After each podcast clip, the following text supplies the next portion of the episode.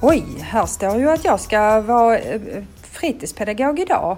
Eh, och du, hej, du, är det du som ska, ska vara fritidspedagog i din grupp? Jag är vikarie för fritidspedagogen här. Ah, okay. ja men du är jättevälkommen. Vad är det vi ska göra? Jag har fått någon anteckning här, står att vi ska jobba med något som heter ASL. Jag har ingen aning vad det är för någonting.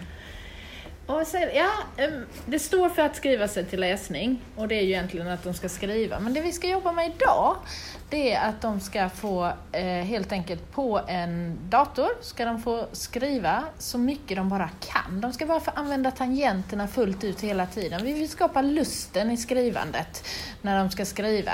Så vi bryr oss inte så mycket om vad de skriver.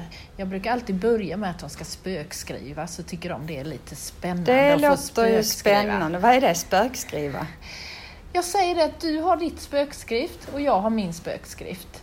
Och min spökskrift är bara den jag vet om. Så att jag skriver, jag får trycka precis på vilka tangenter, men storyn den har jag i huvudet och den berättar jag för dig efteråt. Så vad du ska göra det är att du ska få dem att skriva så mycket de bara kan och så bygger de sin story i huvudet. Och sen så ber du dem berätta sin story i huvudet och då ser du, ah, där står det med spökskrift, precis det du säger till mig just nu. Så vad förväntar du dig att jag ska göra på den här lektionen? Vad kan jag hjälpa till med? Du ska få dem att våga. Våga och använda tangenterna, använda bokstäverna. Och intressera och... mig för vad det står, fast jag kan inte läsa det. Utan Nej. deras hemliga spökskrift ska jag försöka visa intresse för så att de blir glada. Precis, okay. du ska liksom känna, de ska mm. känna att hon lyssnar på mig och hon är intresserad av det jag skriver. Och jag kan ett annat språk som inte du kan.